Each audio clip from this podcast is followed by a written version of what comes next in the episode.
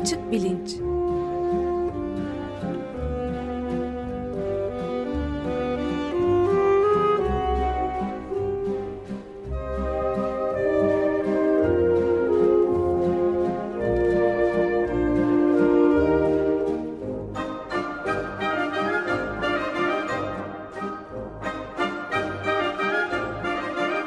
Güven Güzeldere ile bilim ve felsefe sohbetleri. Merhabalar Güven Bey. E, günaydın Özdeş, merhaba. Günaydın. Ben Ee, Evrim bana bugün destek oluyor yine. E, merhaba Evrim, günaydın. Günaydın, merhaba hocam. Evet bugün ne konuşuyoruz Güven Bey? Şimdi bugün aslında e, geçen haftadan galiba şöyle e, duyurmuştuk. E, üç bölümlük bir seri yapıyoruz. Birinci bölüm aşı ve aşı karşıtlığı. ikinci bölüm komplo teorilerine inanma eğilimimiz. Üçüncü bölümde e, sahte haber paradigması. Birinci Hı hı. bölüm bitti. Yani aşılarla ilgili programlar bitti. E, dolayısıyla e, ikinci e, bölüme komplo teorilerine inanma eğiliminin bilişsel nedenlerine geçecektik. Bugün de bunu yapmamız gerekiyordu. Fakat bir değişiklik oldu. Ee, e, erteledik e, bunu iki hafta için. İki sebepten bir, bugün konuşmak isteyeceğimiz, istediğimiz konu yani e, dünyada ve Amerika Birleşik Devletleri özelinde üniversitelerde neler oluyor? Sonbahar geldiğinde öğrenciler okula dönecek mi, dersler e, mi yapılacak yoksa sınıfta mı sürdürülecek? Bu konular e, çok tartışılıyor. Uluslararası öğrencilerin durumunda bir karışıklık var. Dolayısıyla bunlardan bahseden bir program bugün yapalım diye e, düşündüm. İkinci nedeni de e, aşı konusunda tereddütlü olan dinleyicilerden bana gelen mesajlar e, var ve bun, bu tereddütlerin giderilmediğini ya da kendi akıllarındaki bazı soruların cevaplanmadığını e, görüyorum. Dolayısıyla aşı serisi e, ne son bir program eklemeye karar verdik. Bunu da gelecek hafta yapacağız ve hem Işıl Arıcan hem e, Selim Badur katılacaklar e, ve dinleyicilerden gelen soruları yanıtlayacaklar. Harika. Böyle, e, böylece duyurmuş olayım aslında aşı konusunda bir aklınızda soru varsa bir tereddütünüz varsa işte belki yine anne babasınız çocuğunuza aşı yaptırıp yaptırmamayı e, konusunda emin olamıyorsunuz. E, bunu ben e, Açık Bilinc'in Twitter hesabından yazdım. E, orada sorularınızı e, oraya ekleyebilirsiniz. Ben bu soruların hepsini bir liste halinde Işıl Arıcan'la Selim Badur'a ileteceğim. E, böylece bir dinleyici soru e, programı e, yapmış olacağız gelecek hafta. Onun ardından komplo teorileri e, konusuna giriş yapacağız. Planımız böyle. Böyle bir değişiklik oldu yani. Çok güzel. E, şimdi bugünkü konuya geleyim. E, ha bir de belki üçüncü neden şundan bahsedebiliriz. Malum geçen hafta e, Ayasofya'nın müze statüsü sona erdirildi, camiye döndü. Dolayısıyla bizim memlekette dert etmemiz gereken hiçbir sorunumuz artık kalmamış durumda. Biraz başka ülkelere bakmak e, belki daha yerinde olabilir. Mesela Amerika Birleşik Devletleri. E, Amerika Birleşik Devletleri gerçekten bu salgın konusunda sınıfta kalan ülkelerin başında geliyor sınıfta kalmakla da kalmıyor. E, sürekli işlerin daha da karıştığı acayip e, hamleler yapıyor Amerika Birleşik Devletleri'ndeki iktidar, e, Donald Trump'ın başkanlığındaki iktidar. Bu hamlelerden en sonuncusu da uluslararası öğrencilerin vizelerini iptal edileceğinin duyurulması oldu. Uluslararası öğrencilere diyorlar ki sizin okul e, dersleri internet üzerinden çevrim içi bir şekilde yapacaksa Amerika'da olmanıza gerek yok. Gidin ülkenizden işte internet üzerinden bağlanın. E, biz sizin vizenizi iptal ediyoruz. Dolayısıyla bir sürü öğrenci aslında e, bir gecede yani e, bir gece yasal e, vize sahibi insanlar olarak e, yatıp ertesi sabah e, vizeleri iptal edilmiş, yasal olmayan yabancı statüsünde uyandılar. O zaman burada şöyle bir durum var. Bazı ünivers yani üniversitelerin tercihine bırakılmış durumda. İnternetten mi yapacaklar e, yoksa e, bizzat sınıflarda mı yapacaklar? İnternetten ders programını yapacak olanların e, için geçerli bu, bu bahsettiğiniz durum sanırım. Evet yani internetten e, ders yapamayacak olan öğrencilerin vizeleri iptal edilmiyor. Dolayısıyla bu aslında bir anlamda okulları e, internetten ders yapmaktan caydırma amacını da taşıyor diye hmm. düşünüyorum bu karar. E, Peki çünkü... bu, gerçi o zaman bu söylediğinizden tabii yine üniversitelere bırakıldığı sonucuna varıyorum ama acaba eyalet yönetimleri mi karar veriyor diye soracaktım. Yani kararları kim veriyor online veya sınıfta derse? Evet bu kararları üniversitelerin kendileri veriyor. Bazı Hı. üniversiteler eyalet üniversiteleri. Dolayısıyla eyalet idaresi e, o işe karışabiliyor. Bazıları değil, özel üniversiteler. Onlar tamamıyla e, özerk, dolayısıyla kararları kendileri veriyorlar. Amerikan başkanının böyle kararlara karışma yetkisi yok fakat e, belli bir bakış açısı var e, bu adamın ve onu ittiriyor. E, dolayısıyla kendi istediği şeyleri yapan okullara kolaylık gösterip kendi istediği türde davranmayan okullara e, olabildiğince zorluk çıkartmak amacıyla böyle bir e, harekette bulunduğunu sanıyorum. Bir de belki bir başka nedeni şu olabilir.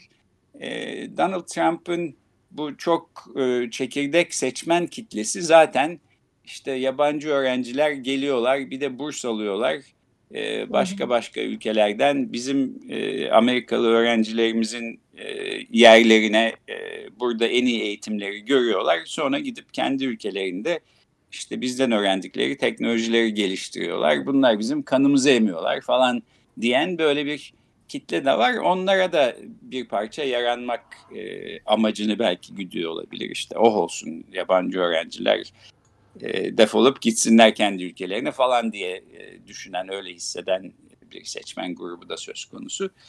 E, öte yandan tabii Amerika'daki eğitim sistemini bu kadar e, etkileyici yapan, dünyanın en iyi bence eğitim sistemi yapan unsurlardan bir tanesi ve küçük olmayan bir tanesi yabancı öğrenciler ve yabancı öğretim üyeleri. Yani bütün yabancı e, diye nitelenen insanları eğitim sisteminden çıkartsanız hem öğrencileri hem öğretim üyelerini e, sahiden büyük bir sekteye uğrar Amerika'daki eğitim sistemi. E, öğrenci sayısı itibariyle de aslında küçük bir sayıdan bahsetmiyoruz. E, 1 milyonun üzerinde yabancı öğrenci var Amerika'da. İşte bunların bir kısmı lisans öğrencisi, bir kısmı yüksek lisans öğrencisi e, kimin yabancı kimin yabancı değil e, olduğunu e, bu sınıflamayı yapmak da aslında çok kolay değil. Yani e, Trump şimdilik e, öğrenci vizesine sahip öğrencilerin e, hayatını zorlaştırmış durumda. Ama yarın öbürsü gün e, işte oturma veya çalışma izni olan insanları da ben e, ülke dışına çıkartıyorum der mi? Der der böyle şeyleri yapabilecek türde bir insan şeyi de bundan e, kendi taraftarları da bundan hoşlanabilir. E, ya da Amerika doğumlu olmayan herkes kendi ülkesine gitsin, bizim ülkemizi terk etsin e, de diyebilir. Tabii e, yani böyle dediği anda mesela kendi eşinin de Amerika dışına çıkartılması gerek filan böyle. E, dolayısıyla bunlar komplike meseleler. E, ne yapılması gerektiği konusunda da özellikle üniversiteler açılacak mı, açılmayacak mı, dersler sınıfta mı olacak, e, pandemide ikinci dalga geliyor mu, gelmiyor mu? Üniversiteler bu konuda e, işte sürekli bir e, planlama yapma çabası içindelerdi. Hatırlanacaktır Mart ayında daha salgının önemini biz belki tam olarak da e, idrak etmemişken e, Amerika'nın doğu yakasındaki özellikle bu Boston civarındaki üniversiteler e, peş peşe öğrencilerini eve göndermeye ve e, salgın nedeniyle kampüste eğitime ara vermeye karar vermişlerdi. O zaman biraz erken alınmış bir karar bile gibi gözükmüştü pek çok da öngörülü ve doğru bir karar olduğu ortaya çıktı. Şimdi de yine bu belirsizlik içinde peki öğrenciler kampüse geri gelsinler mi, gelmesinler mi? Bütün dersler e, çevrim içi mi olsun? E, yurtlarda öğrenciler kalabilecekler mi filan bu sorular e, giderek daralan bir zamanın da sıkıştırmasıyla önemli bir hale gelmiş durumda. E, Chronicle of Higher Education e, diye bir süreli yayın var. E, dünyadaki işte yüksek öğrenim e, bilgilerini derliyor. Orada çıkan bir yazıya göre, e, iki gün önce çıkan bir yazıya göre şu an itibariyle Amerika Birleşik Devletleri'nde okulların yüzde altmışına yakını e, sınıfta ders yapmak üzere e, bir takım planlar ve hazırlıklar yapıyormuş. Yalnızca yüzde on kadarı, ondan bile azı bütün dersleri çevrim içi olarak yapmaya karar vermiş. E, yaklaşık yüzde otuzu da e, hibrit bir model düşünüyormuş. Yani bazı dersler çevrim içi, mesela kalabalık dersler e, internet üzerinden küçük az sayıda öğrencinin katıldığı seminerler sınıfta olacak filan diye. Yani bu konuda da bir ayrışma var ve bir e... ya da sanırım aynı dersleri de hem online hem sınıfta yapabiliyorlar. O öz özellikle yabancı e, öğrenciler için geleme gelemeyen e, öğrenciler için yapıyor, yapıyorlarmış bunda. E, mümkündür. Ben onu duymamıştım ama e, evet yani belki bu, bu hibrit dediğimiz zaman böyle yapmak da belki e, söz konusu.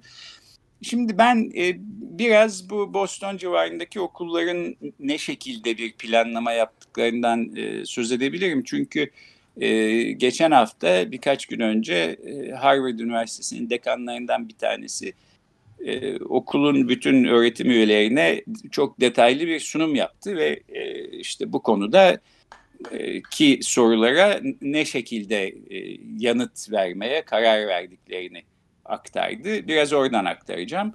E, burada tabii yani sorulardan bir tanesi öğrenciler kampüse geri dönecekler mi, dönmeliler mi?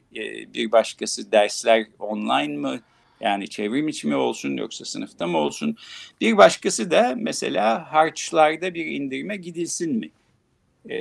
Çünkü mesela Harvard Üniversitesi harç e, olarak öğrencilerden yaklaşık 50 bin dolar alıyor senede. Bu az bir para değil.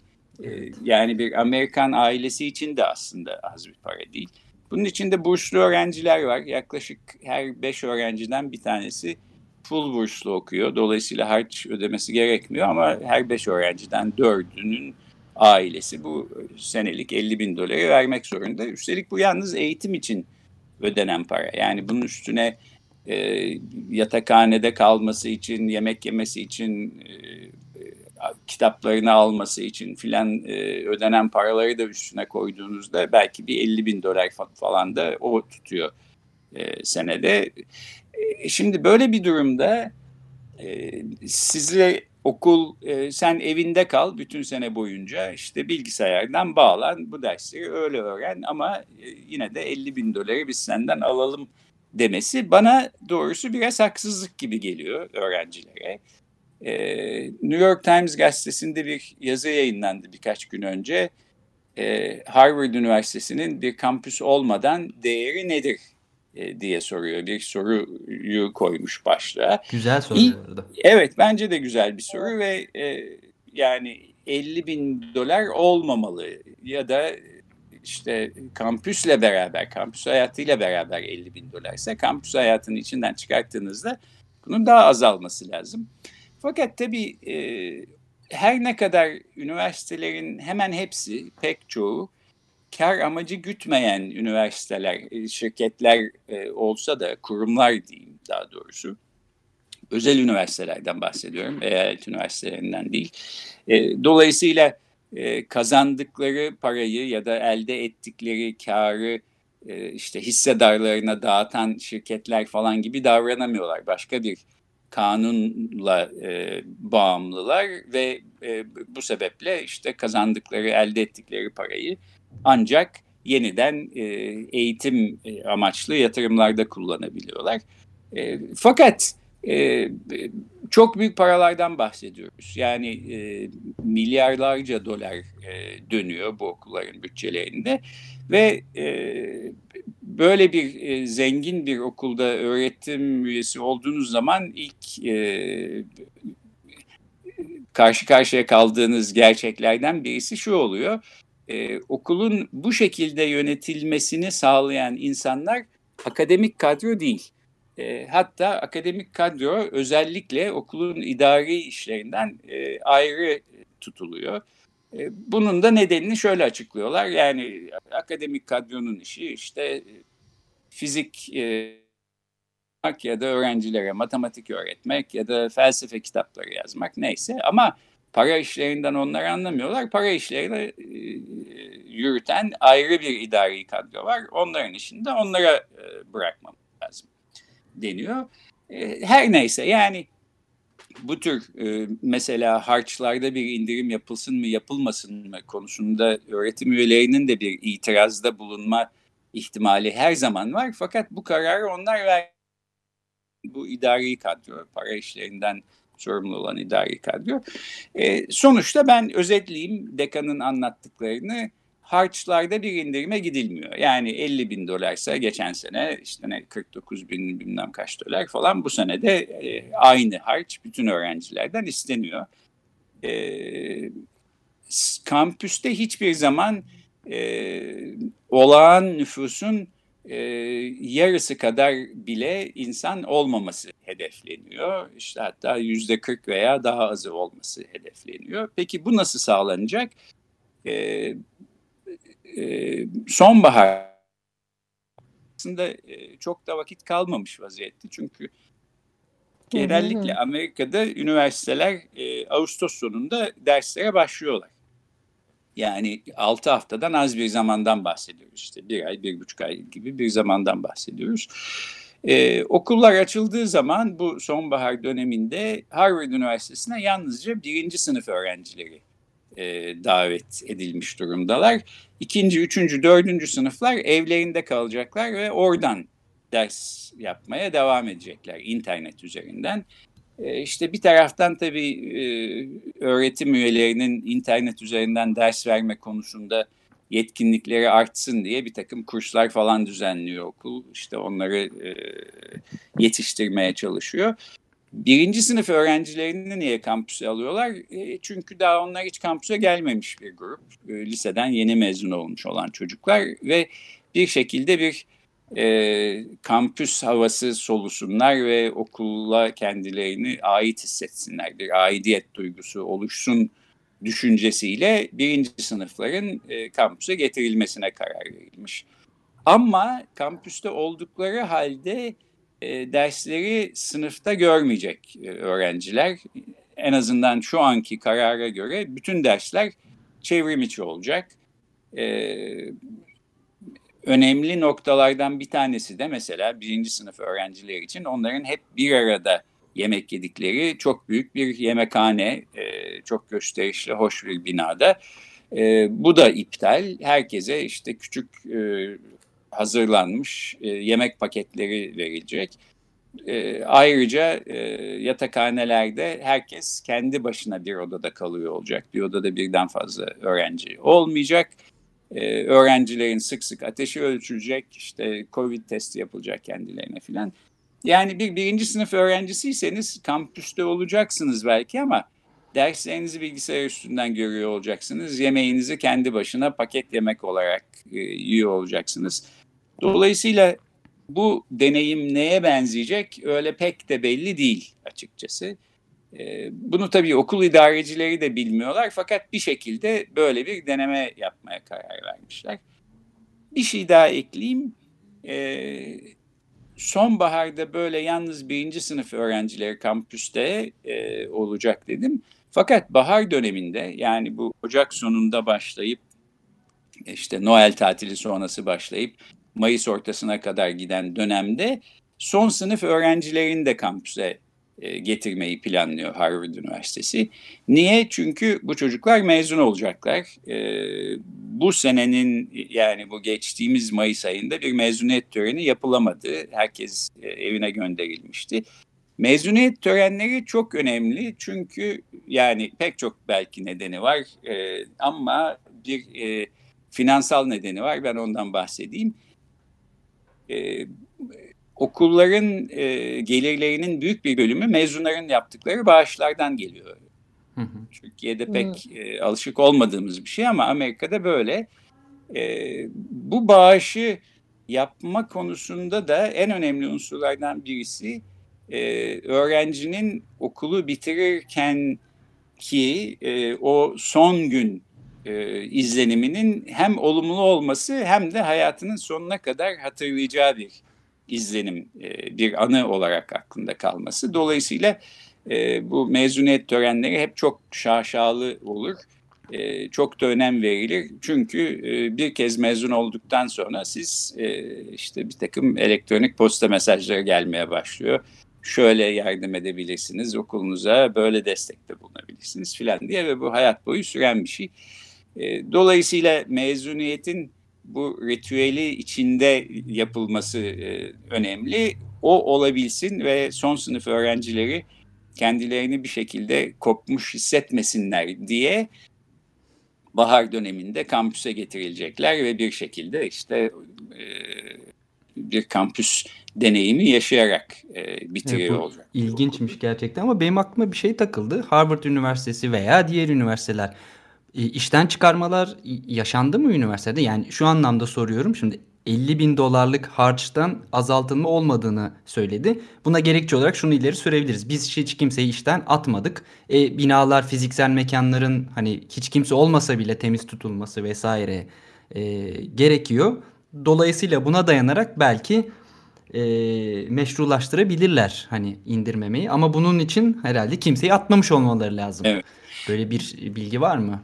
Akademide? Benim bildiğim kadarıyla herhangi bir işten çıkarma durumu salgın nedeniyle olmadı. Ya da buna benzer benim bir bilgim yok. E, fakat okulun böyle bir argüman kullandığına da rastlamadım. Yani biz kimseyi işten atmadık dolayısıyla harçları indirmiyoruz da demiyorlar. Evet, öyle harçlar... olsaydı da zaten hani şunu bir yandan e, dile getirecektim.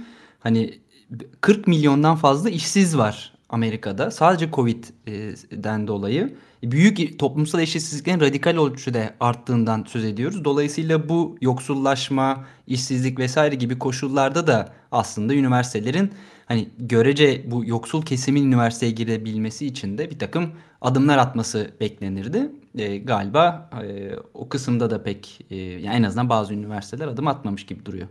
E, evet o, orada da pek bir hareket yok. Ben de bir şey daha ekleyeyim. Şimdi diyelim bir e, burslu öğrencisiniz. Yani e, Harvard Üniversitesi mesela çok zengin bir üniversite evet ve öğrencisi olmak da çok ayrıcalıklı bir şey. Fakat buradaki bütün öğrencilerin e, hali vakti yerinde öğrenciler olduğunu düşünmemek lazım aslında. Son derece yoksul hmm. ailelerden gelen e, burslu olarak okuyan öğrenciler de var. Dediğim gibi öğrenci popülasyonunun yaklaşık yüzde yirmisi full burs olarak okuyor.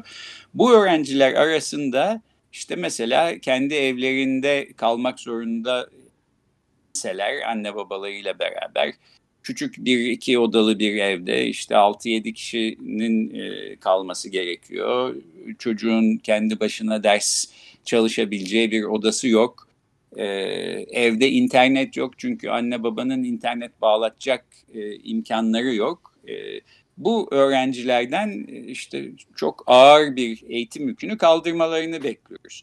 Ee, okuldayken, kampüsteyken bunu yapma imkanları oluyor bu öğrencilerin ama kampüs dışındayken bunu nasıl yapacakları belli değil. Ee, üniversite şöyle bir karara varmış. Ee, böyle öğrencilere, burslu öğrencilere sömestr başına 5 bin dolar ödeme yapıyor. Ee, işte yardımcı olsun diye. Fakat e, mesela bu 5 bine nereden karar verildi? Bu da çok belli değil. Çünkü bu öğrenci, burslu olan öğrenci e, burslu olmasaydı e, ve kampüste e, yatakhanede kalıyor olsaydı sömestr başına diyelim 9 bin dolar zaten ödüyor olacaktı. E, hiç olmazsa bu burslu çocuklara kampüste kalamadıkları için o 9 bin doların verilmesi bence daha olurdu ama işte okul 5000 diye karar vermiş. Her neyse yani dediğim gibi böyle burada e, bu muhasebeci e, kesiminin yaptığı bir takım hesaplar söz konusu ve e, şeffaf bir şekilde de aslında e, bunun nedenleri e, genellikle e, paylaşılmıyor. Yalnızca sonuçları paylaşılıyor. İşte şöyle şöyle kararlar verdik diye. E, öğrenciler arasından bir de şöyle bir istisnaya e, yer açılmış. Eğer e, kampüs dışında kalması dolayısıyla akademik ilerleme gösteremeyeceği e, anlaşılan öğrenciler olursa bir istisna olarak onlar kampüse getirilecekler ve kampüste kalmalarına izin verilecek. Yani e, birinci sınıf öğrencileri olmasa da. Ama tabii bu hangi kıstasla yapılacak, ne şekilde e, kim değerlendirecek, kaç öğrenciye bu şekilde izin çıkacak bu da belli değil. Peki sanırım süremizin de e, sonuna, sonuna gelmiş. evet. Evet. Benim de aslında söyleyeceklerim böyle. Yani genel bir özet vermek istedim. Amerika'daki üniversitelerde ne oluyor? İşte bazıları açılacak, bazıları e, tamamıyla çevrim içi olacak, bazıları öğrencilerin bir kısmını kampüse getirecek, bir kısmı getiremeyecek. E, aslında ne olup ne biteceği de bence şu anda kesin bir şekilde bağlanmış değil. Çünkü biraz da e, salgının nereye gideceğine bağlı. Amerika'da malum salgın sayıları çok artıyor. Yeni enfekte olan hasta insan e, sayısı işte 50 binin üzerine çıkmış vaziyette günlük. Bu gidişle 100 bini de bulabilir e, deniyor. Evet, Fauci de böyle dedi. Fauci öyle dedi. İkinci dalga çıkabilir, e, daha panikli bir durum olabilir. Üniversiteler tümden kapanabilirler. E, bunların e, hepsi büyük bir belirsizlik sisi içinde e, ilerlemekte olan insanların önünde e, değişik ihtimaller olarak duruyor. Bence şu anda bunun ötesinde bir şey söylemenin imkanı yok. Peki Güven Bey çok teşekkür ederiz. E, haftaya görüşmek üzere diyelim o zaman. E, tamam ben teşekkür ederim. Bir kez daha e, duyurusunu da yapmış olayım. Aşılar konusunda sorusu, tereddüdü, aklına takılmış herhangi bir konu olanlar Twitter'dan bu sorularını yazarlarsa gelecek hafta onları cevaplamaya çalışıyor oluruz. Çok güzel, süper. görüşmek üzere. Peki, haftaya görüşmek üzere.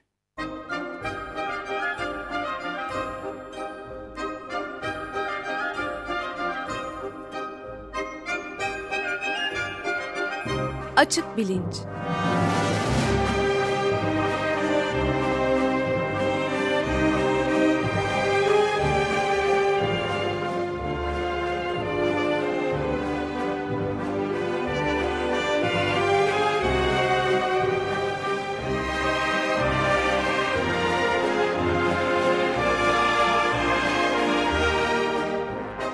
Güven Güzeldere ile bilim ve felsefe sohbetleri.